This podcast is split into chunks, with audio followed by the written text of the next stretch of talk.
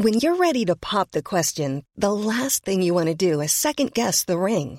At Bluenile.com, you can design a one of a kind ring with the ease and convenience of shopping online. Choose your diamond and setting. When you find the one, you'll get it delivered right to your door. Go to Bluenile.com and use promo code LISTEN to get $50 off your purchase of $500 or more. That's code LISTEN at Bluenile.com for $50 off your purchase. Bluenile.com code LISTEN.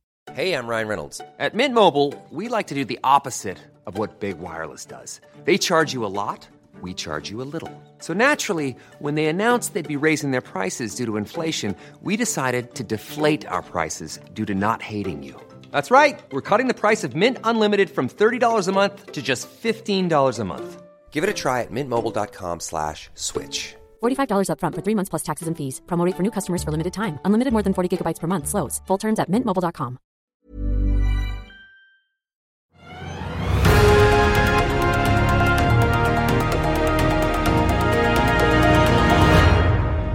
Hei og velkommen til denne bonusepisoden fra oss her i FA-TV. I dag er det nemlig duket for sentralbanksjefens tradisjonsrike årstale. Et virkelig høydepunkt for de økonomiinteresserte her i landet. Tidligere har jo Norges Bank eh, kommet med små stikk, kan vi vel kalle det, til både politikere og andre. Og kommet med noen syrlige budskap om hva de mener bør gjøres med den økonomiske politikken og ikke minst pengebruken. Men hva er egentlig budskapet i år, i en verden der rentene har kommet kraftig opp, men kanskje også har nådd toppen? Vår rutinerte makroreporter og ikke minst redaksjonssjef for nyheter, Are Haram, har møtt sentralbanksjef Ida Wolden Bakke før den store talen. Bare hør her. I sum er denne talen et klart varsel om at det ikke går an å senke rentene vesentlig raskere enn Norges Bank har varslet til nå? Vi gir ingen nye signaler om eh, pengepolitikken i eh, denne talen. Du peker på at det har lønt seg å være tålmodig i perioder hvor inflasjonen er på vei ned. Og du gjentar et par ganger om at, eh, at Norges Bank må holde løftet om å få inflasjonen ned til 2% Fokuset er jo veldig klart på inflasjonen. Ja, Vi er eh, opptatt av å få frem betydningen nettopp av at det er tillit til at prisveksten over tid vil være 2 eh, og at for at vi skal bevare den tilliten, som vi da også kan høste gevinster av fram i tid når, dersom økonomien blir utsatt for nye forstyrrelser, eh, så må vi nå også sørge for at prisveksten kommer tilbake til, til 2% Og Vi viser til historiske erfaringer som er dokumentert bl.a. av Det internasjonale pengefondet Eh, som viser at land som var tidlig ute med å sette ned renten eh, når det var tegn til at prisveksten avtok, oftere eh, opplevde at prisveksten skjøt fart igjen. Og Det tar vi jo med oss når vi tar beslutninger om renten, men det vil hele tiden være en avveiing mellom ulike hensyn.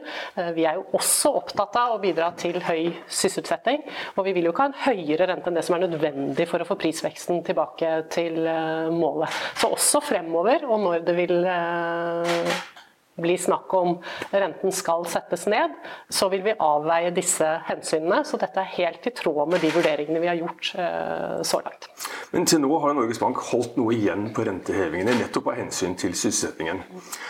Vil det bli, være like lett å ta et like stort hensyn til sysselsettingen fremover, når inflasjonen i større grad er blitt et hjemlig kostnadsdrevet inflasjon, eh, problem? Mm.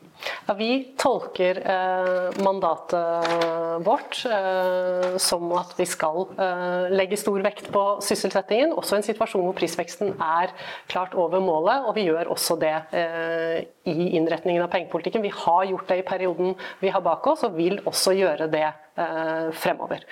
Men når vi da vurderer inflasjonsutsiktene, så må vi jo nettopp vurdere eh, hvor varig vi venter at prisimpulsene vil være. Vi peker på noen forhold eh, nå. Eh, det at lønnsveksten eh, er høy, sammen med en beskjeden vekst i produktiviteten, som gir økte kostnader for bedriftene, og den svekkelsen av kronen vi har bak oss, som forhold som kan bremse nedgangen i inflasjonen her hjemme, selv om prisveksten avtar ute. Og det alt annet like tilsier at rentene ikke skal raskere ned enn man kanskje har kunnet håpe på, hvis inflasjonen i hovedsak var importert. Ja, dette er jo helt i tråd med det bildet vi har tegnet i prognosene våre, og som lå inne i prognosene våre fra uh, desember. Så dette er jo noe av bakgrunnen for at vi har sagt at det trolig vil være behov for å holde renten oppe en god stund, men det ligger ikke noen nye uh, vurderinger uh, eller signaler i, i dette. Du nevnte den svake produktivitetsveksten som en av faktorene bak den høye inflasjonen. Skyldes den svake produktivitetsveksten også at man nå i næringspolitikken har andre mål enn effektivitet og avkastning, kanskje heller klima? Jeg tror årsakene til den lave produktivitetsveksten er sammensatt. Vi ser jo også at dette er en, en internasjonal trend, og noe vi har sett i, mange andre land. Uh, jeg har ingen analyser som, som, som, kan bekrefte eller avkrefte den hypotesen du, du der kom med.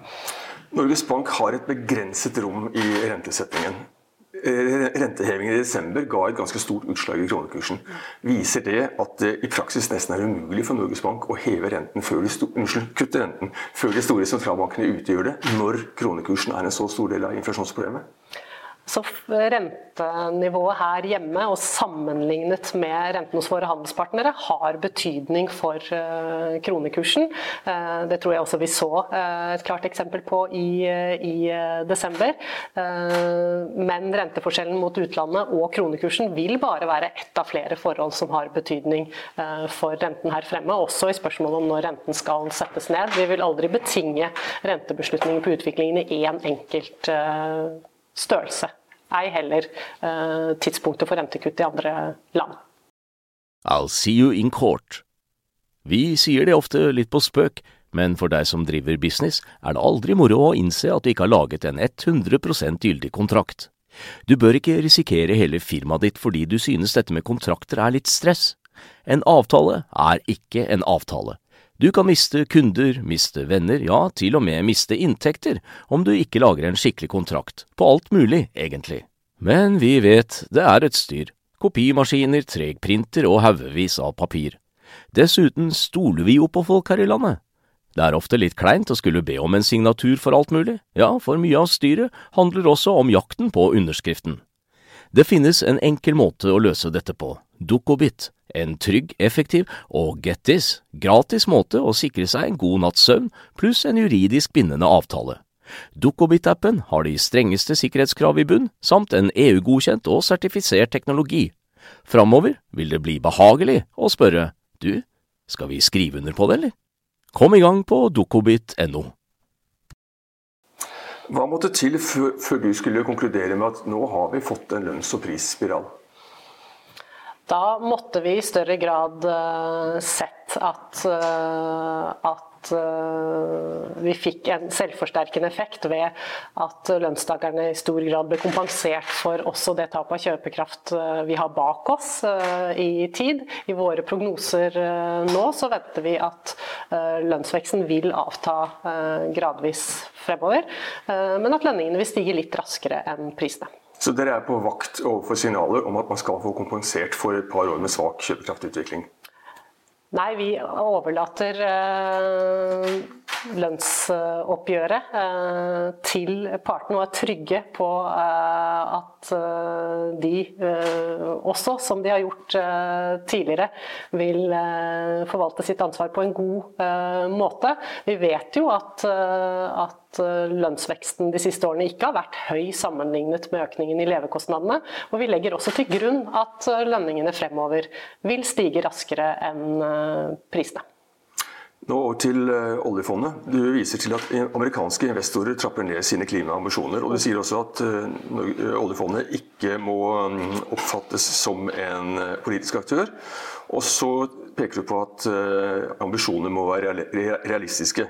I klartekst så betyr vel det at også NBIM nå må trappe ned på sine klimaambisjoner?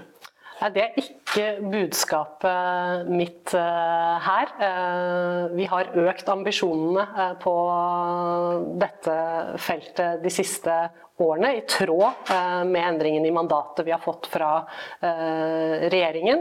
Det jeg understreker i talen, er at når vi utøver eierskapet vårt, så er det viktig at vi opptrer ansvarlig, at vi er forutsigbare At vi er etterrettelige, at vi er åpne, og at vi er tydelige på at eierstyringen er grunngitt nettopp i fondets langsiktige finansielle interesse. Betyr det at eh, behovet for at Norges Bank tar slike hensyn øker når amerikanske investorer trapper ned slike hensyn?